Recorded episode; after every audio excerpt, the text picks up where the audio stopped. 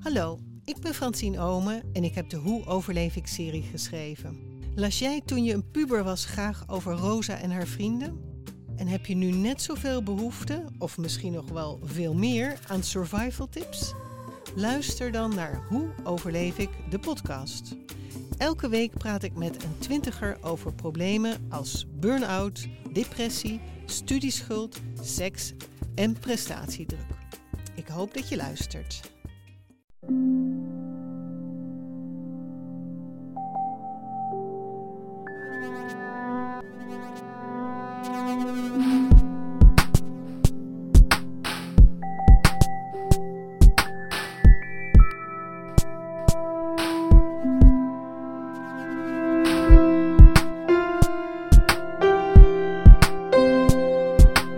Dit is Relaas, waarin mensen een verhaal vertellen over iets dat ze zelf hebben meegemaakt of meemaken. Bang zijn in het donker bijvoorbeeld. Tine, die vertelt ons waarom ze bang is in het donker, waarom ze s'nachts moeilijk de fiets kan nemen. En ik vind haar reden meer dan gegrond. Eigenlijk is haar relaas verschrikkelijk. Ze vertelde het moedig weg in juli in Husset in Gent. Eerst met een klein hartje, maar na een minuut met steeds meer moed.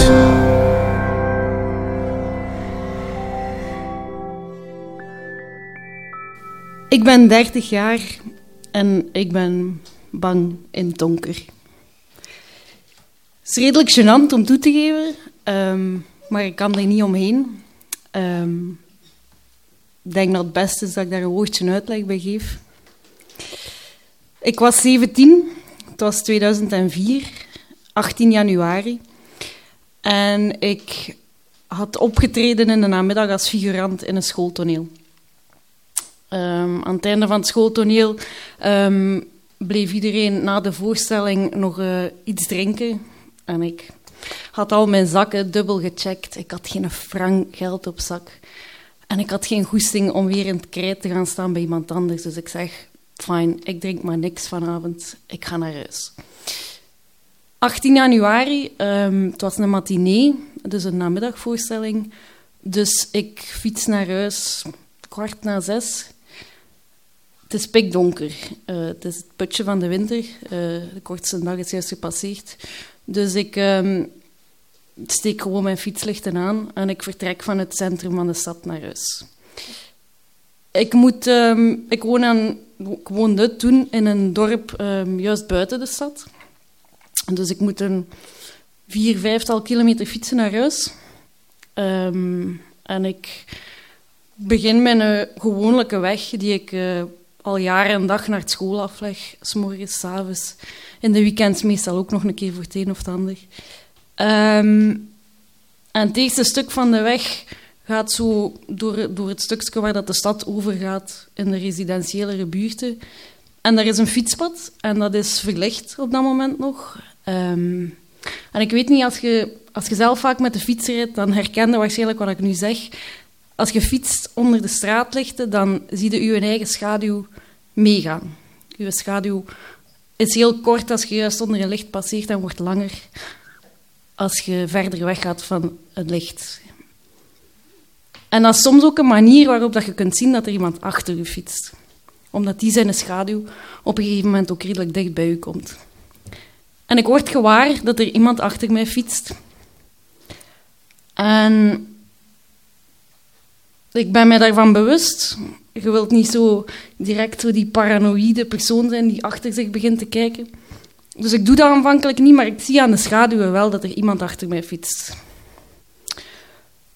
Goed, ja, dat is iemand die dezelfde weg uit moet, die uh, toevallig ook naar hetzelfde dorp moet misschien, of een stuk dezelfde weg moet als ik. Probeer daar niet te veel van te maken, maar ik vertraag wel. Ik vertraag bewust. Ik was een ervaren fietser, uh, dat is ook een techniek, hoe vreemd dat ook klinkt. En ik dacht, steek me dan voorbij. Dan ben ik van u af, dan moet ik me geen zorgen maken. En dat doet hij niet. Die vertraagt mee met mij, wat ik vervelend vind. Maar bon, ja, ik moet naar huis, ja. Dus ik fiets verder. Um, en mijn weg um, gaat op dat moment een stuk langs een spoorweg en splitst zich dan op. Um, gaat ofwel rechtdoor, verder parallel met de spoorweg, of je steekt rechtsaf over de spoorweg. En dan is er eigenlijk nog maar één weg die naar het dorp uh, iets verderop leidt. Ik moet rechtsaf, dat is mijn gewone weg. En ik steek de sporenweg over en ik ben nog maar net over de sporen of die persoon die de hele tijd al achter mij fietste, steekt mij in een rotvaart voorbij. Die gaat op zijn trapper staan, die gaat er vandoor gelijk een speer.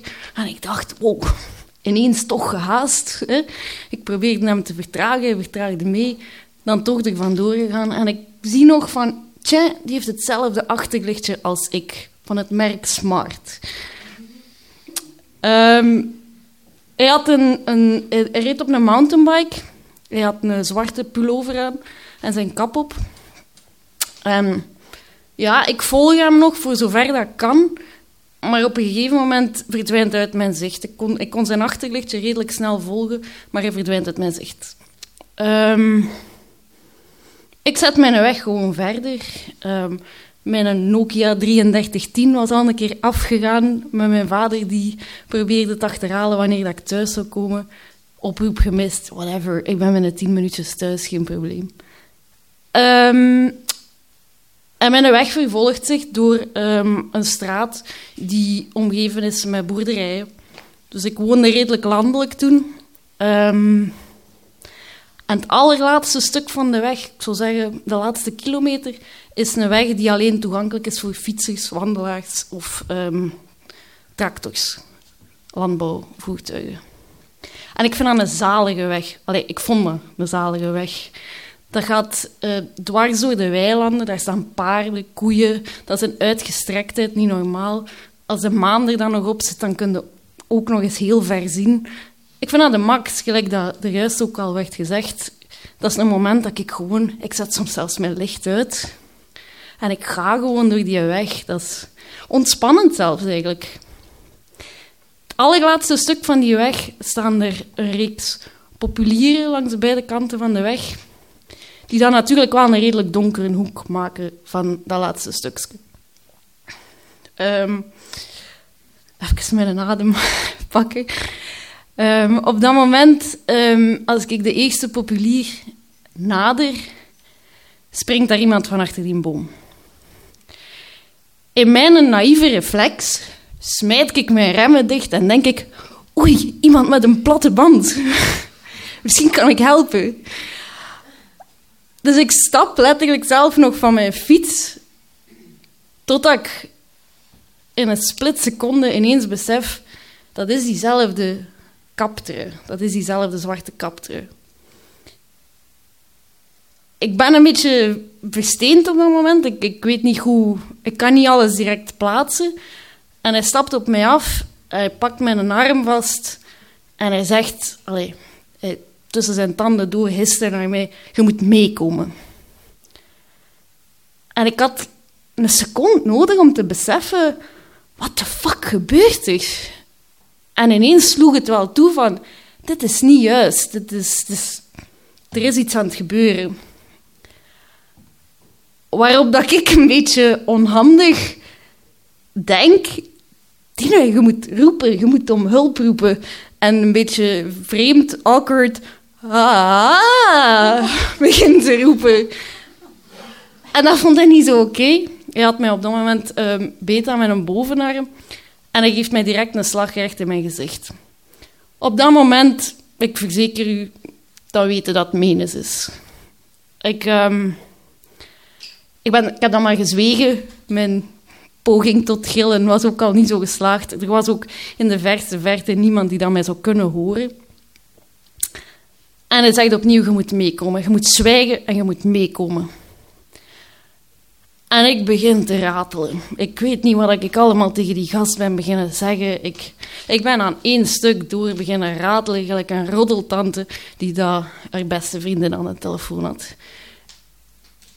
Ik ben beginnen zeggen, wat ga je met mij doen? Wie zei je? Waar kom je vandaan? Waar je er juist al aan het volgen? Um, wil, ik u iets geven? Ik heb een Nokia 3310. ik heb een Discman met een shock absorber.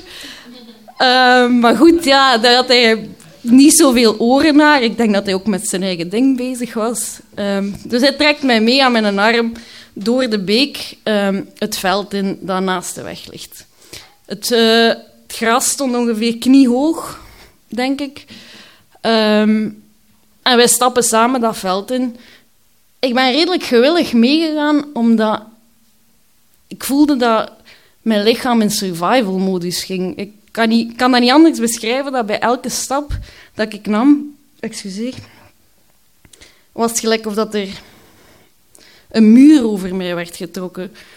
We zijn een vijf, zestal meter diep het veld ingestapt.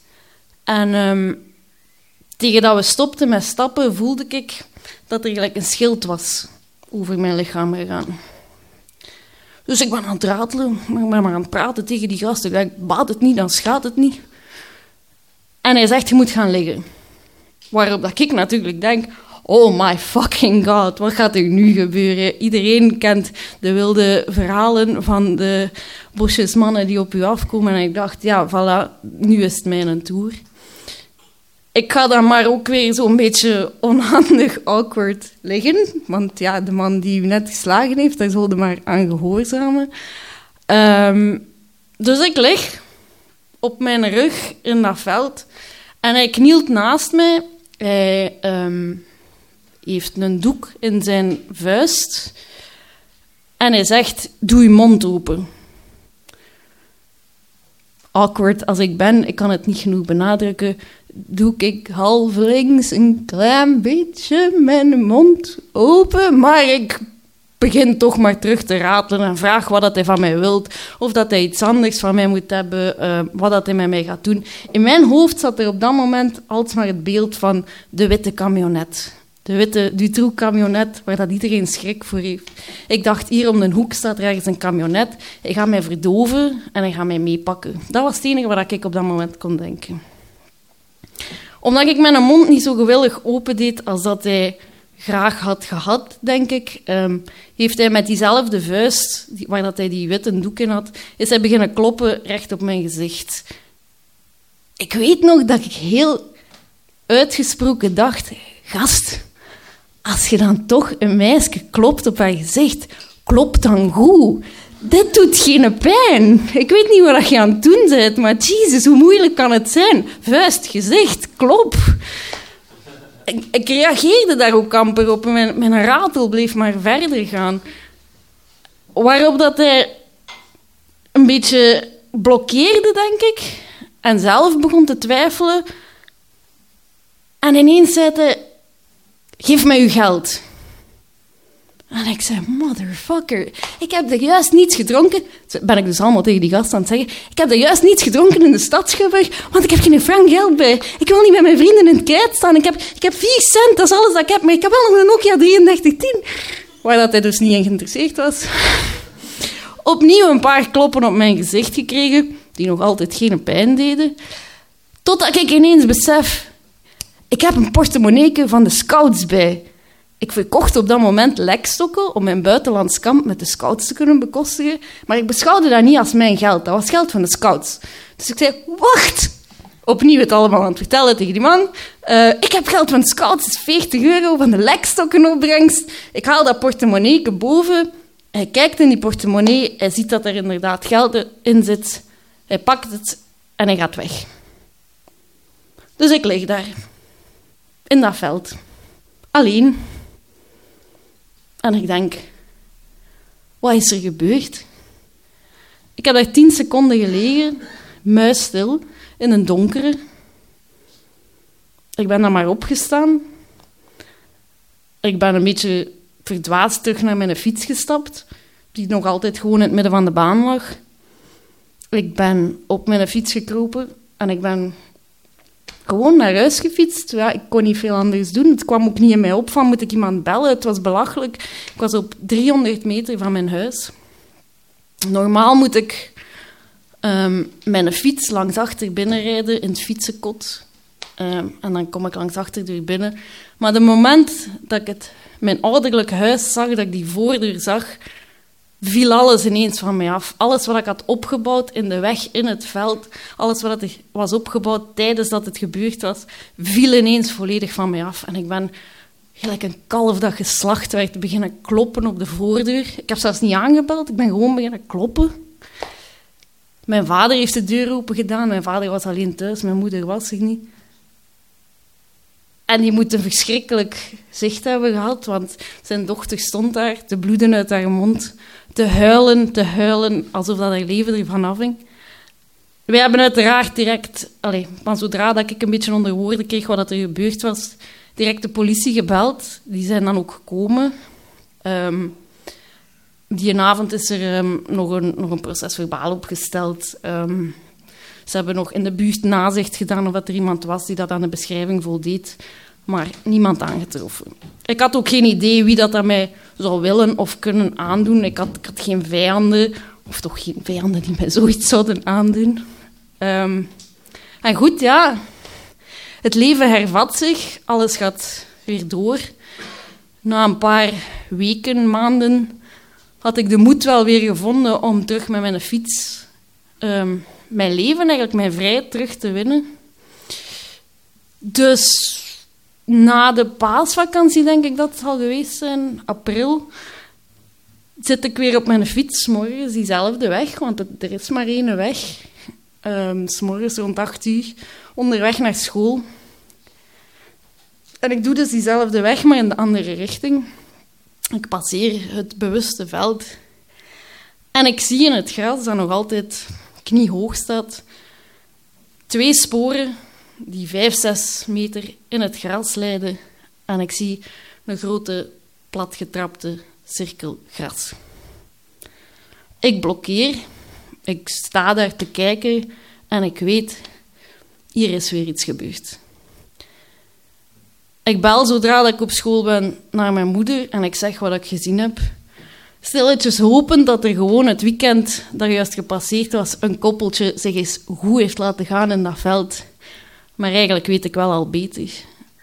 Later die dag laat mijn moeder mij weten dat um, mijn buurmeisje, dat de twee of drie huizen verder woont van ons, in het weekend dat juist gepasseerd was, brutaal verkracht is op de weg naar huis. Uh, toen ze van haar vriendje rond middernacht naar huis is gefietst achtervolgd geweest door een gast op een mountainbike met een zwarte kaptrui.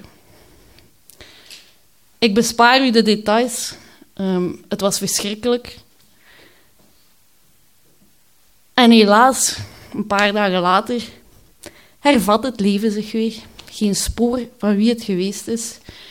Geen idee welke gast zich met zoiets bezighoudt. En het leven gaat weer verder. Het is cru om te zeggen.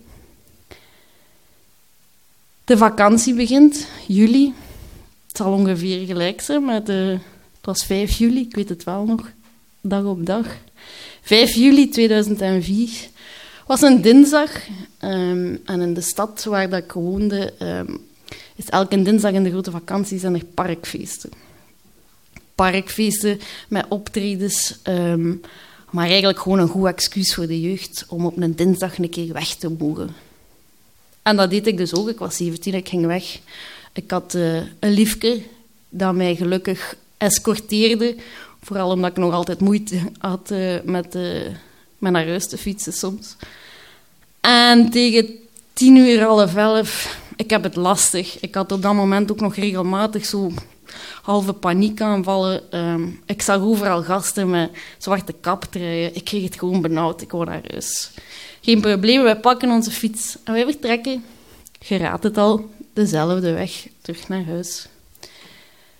En op het stuk juist na de spoorweg, dus de weg die tussen de boerderijen leidt, rijden wij met ons twee naast elkaar en wij kruisen een andere fietser op een mountainbike met een zwarte kaptrui en ik heb nooit een beschrijving kunnen geven van de gast die mij 18 januari heeft aangevallen, zal ik maar zeggen. Maar ik zag die en ik wist met heel mijn lijf, dat is hem. Ik heb gezegd tegen mijn lief, we moeten naar huis, we moeten iets doen. Ehm, ik ben er zeker van dat hij het is. De timing klopte. Het was een avond waarop dat alle jeugd uitging. Het uur was ernaar, er gingen mensen beginnen naar huis gaan. Hij was op zoek. Dat was voor mij duidelijk. Wij zijn gelijk twee zotten naar huis gefietst. We hebben nog een, weet grote omweg gedaan, omdat ik te veel schrik had om door het uh, te fietsen. Ik kom thuis, wij bellen de politie. De politie zet man en macht in. Uh, ik heb beschreven waar, waar, dat hij ongeveer is, waar dat hij naartoe zou kunnen gaan. En ze kunnen hem klemrijden. Diezelfde nacht wordt die gast die wij gekruist zijn gearresteerd. Om twee uur s'nachts ben ik opgehaald geweest door de politie met de vraag of ik bereid was tot een spiegelconfrontatie te doen. Ik weet niet of dat mensen dat kennen. Ik kende, dat vooral van in de films. Dus dat is letterlijk, uh, jij staat in de ene kamer, hij staat in de andere kamer en er zit een spiegel tussen. Hij kan mij niet zien en ik hem wel. Ze zetten mij in die kamer, ik kijk naar hem en ik zeg: Ik denk dat het hem niet is. Die politiemannen natuurlijk een bakken tot op de grond. Biljart, zit er nu mee bezig? Uh, ze hebben dan nog een, um, eigenlijk een stemconfrontatie, zal ik maar zeggen, gedaan. Um, ze, hebben mij ze hebben hem laten spreken tegen mij, uiteraard zonder dat we elkaar zagen. En ik zei, ik denk het niet, zijn accent is gelijk een beetje anders. Uh, ze toonden zijn fiets. Ik zeg, niet, het was een andere mountainbike. Ik denk niet dat het hem was. Goed, ja, ik naar huis. Teleurgesteld, uiteraard. Achteraf blijkt dat hij diezelfde nacht is beginnen bekennen. Hij is beginnen vertellen over mij en hij is het verhaal van mij beginnen verwarren met het meisje van april, van de verkrachting. Waardoor dat ze hem eigenlijk vast hadden voor die twee feiten. Ik was blij, en ik ben daar een beetje trots op, mag ik toch wel zeggen. Ik denk dat ik ervoor heb gezorgd dat er die avond geen slachtoffer is gevallen. Ik durf er bijna mijn hand voor in het vuur te steken. Als ik hem niet had aangegeven die avond, dan was er nog een meisje geweest. En ik weet niet hoe dat die er vanaf was gekomen. Voor de rest eigenlijk is dat een hele mooie afwerking geweest. Um, hij is dus verhoord geweest, hij is in het najaar veroordeeld geworden. Ik heb een schadevergoeding toegekend gekregen. Ik heb die ook verkregen via het slachtofferfonds uiteindelijk. Hij is in beroep gegaan, alles werd bevestigd. Um, meneer zat vast voor vijf jaar. Maar in de jaren die passeren um, gaat mijn leven natuurlijk ook weer verder. Ik ga studeren aan het einde van mijn studies vraag ik me af, um, wat ga ik nu verder doen met mijn leven? Ik begin aan de politieschool. Ik um, leg mijn selecties af. Ik uh, slaag daarin. Ik kan ineens ook beginnen. En ik loop stage op dat moment bij de politie. En ik word op een gegeven moment uh, s'morgens wakker met het radionieuws. Dat er in de stad waar dat ik ben opgegroeid een brutale verkrachting is geweest van een meisje die er helemaal niet goed aan toe was, voor dood is achtergelaten in hetzelfde veld waar het al twee keer was gebeurd. Ik was in alle staten. Um, ik had uh, een paar weken daarvoor inderdaad bericht gekregen van um, justitie dat hij vrij was gekomen. Um, en hij heeft eigenlijk er geen gras over laten groeien. Um, en wat gebeurd is, is gebeurd. Um, hij is direct opgepakt, wel. Uh, de link werd natuurlijk rap gelegd. Um, het is bijzonder spijtig dat dat is kunnen gebeuren, überhaupt. maar goed, ik, ben ook wel blij om te zeggen dat hij nu uh, voor een beetje langere tijd toch vastzit. het resultaat is natuurlijk, ja, ik ben bang het donker. Ik heb een mooie afwerking gehad van alles wat er gebeurd was. Um, ik heb geen posttraumatisch stresssyndroom overgehouden. Maar het blijft wel een beetje gênant. Ik ben uh, een flik ondertussen. En ik ben bang het donker. Ik heb mij wel laten wijsmaken dat het uh, niet moedig is als je niet bang bent. Dus voor mij blijft het toch een succesverhaal op dat vlak. Dank je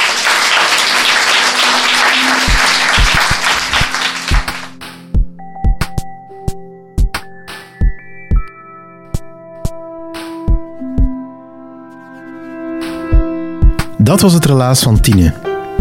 Een verhaal dat ik met verstomming en afschuw heb beluisterd in juli in Husset in Gent. Het gebeurt echt niet veel dat je een zaal zo lang muisstil en geboeid krijgt. De moed die Tine heeft opgebracht om dit verhaal te vertellen, zorgde ervoor dat er achteraf heel veel gesprekstof was aan de bar. Als je zelf met vragen zit aan Tine, dan mag je die altijd naar ons sturen. Wij zorgen dat ze bij haar terechtkomen. Het heeft er trouwens ook toe geleid dat nog iemand anders een gelijkaardig verhaal wil vertellen binnenkort in Husset in Gent bij Relaas. Tickets kan je kopen online. Als je zelf een herkenbaar of een bijzonder verhaal hebt, dat kan over van alles en nog wat gaan, dan mag je dat altijd laten weten. Een groot verhaal, een klein verhaal, het maakt echt niet uit. Of als je iemand kent die misschien een goed verhaal heeft. Of je wil er zelf graag eens bij zijn als de verhalen verteld worden, dan kan dat zeker en vast. Surfen gewoon naar www.relaas.be of op onze Facebook en daar vind je alles over wie wij zijn, over onze vertelavonden en over onze podcast. Je kan ook alle andere verhalen beluisteren en uh, meer dan 1300 mensen doen dat tegenwoordig per aflevering. Dank jullie wel. Relaas is er dankzij Stad Gent. Onze partners zijn Urgent FM, Pulp Deluxe en REC. Relaas wordt gemaakt door Dieter van Huffel, Timo van de Voorde, Sarah Latré, Philippe Cox, Evert Saver, Charlotte Huigen, Marleen Michels, Helena Verheijen, Anna van den Abelen, Kenny Vermeulen, Julie van Boogaard, Sarah de Moor en Anneleen Schelstraten. En ikzelf ben Pieter Blomme. En dankzij jullie natuurlijk, de luisteraars en de ambassadeurs van Relaas. Vertel andere mensen over onze vertelavonden en over onze podcast. Hoe meer zielen, hoe zieliger. Like ons op Facebook, typ relaas in, uh, abonneer je op onze podcast op Soundcloud of iTunes. Laat ons een waardering achter op iTunes, dat appreciëren we enorm. Zeker als je ook wil commenten op dit verhaal, doe dat via uh, Facebook of via iTunes, dat maakt ons niet zo heel veel uit. Maar uh, als je ons een goede comment achterlaat op iTunes, dan komt onze podcast hoger in de ranking terecht en dat is altijd leuk. Bedankt om te luisteren en tot de volgende relaas.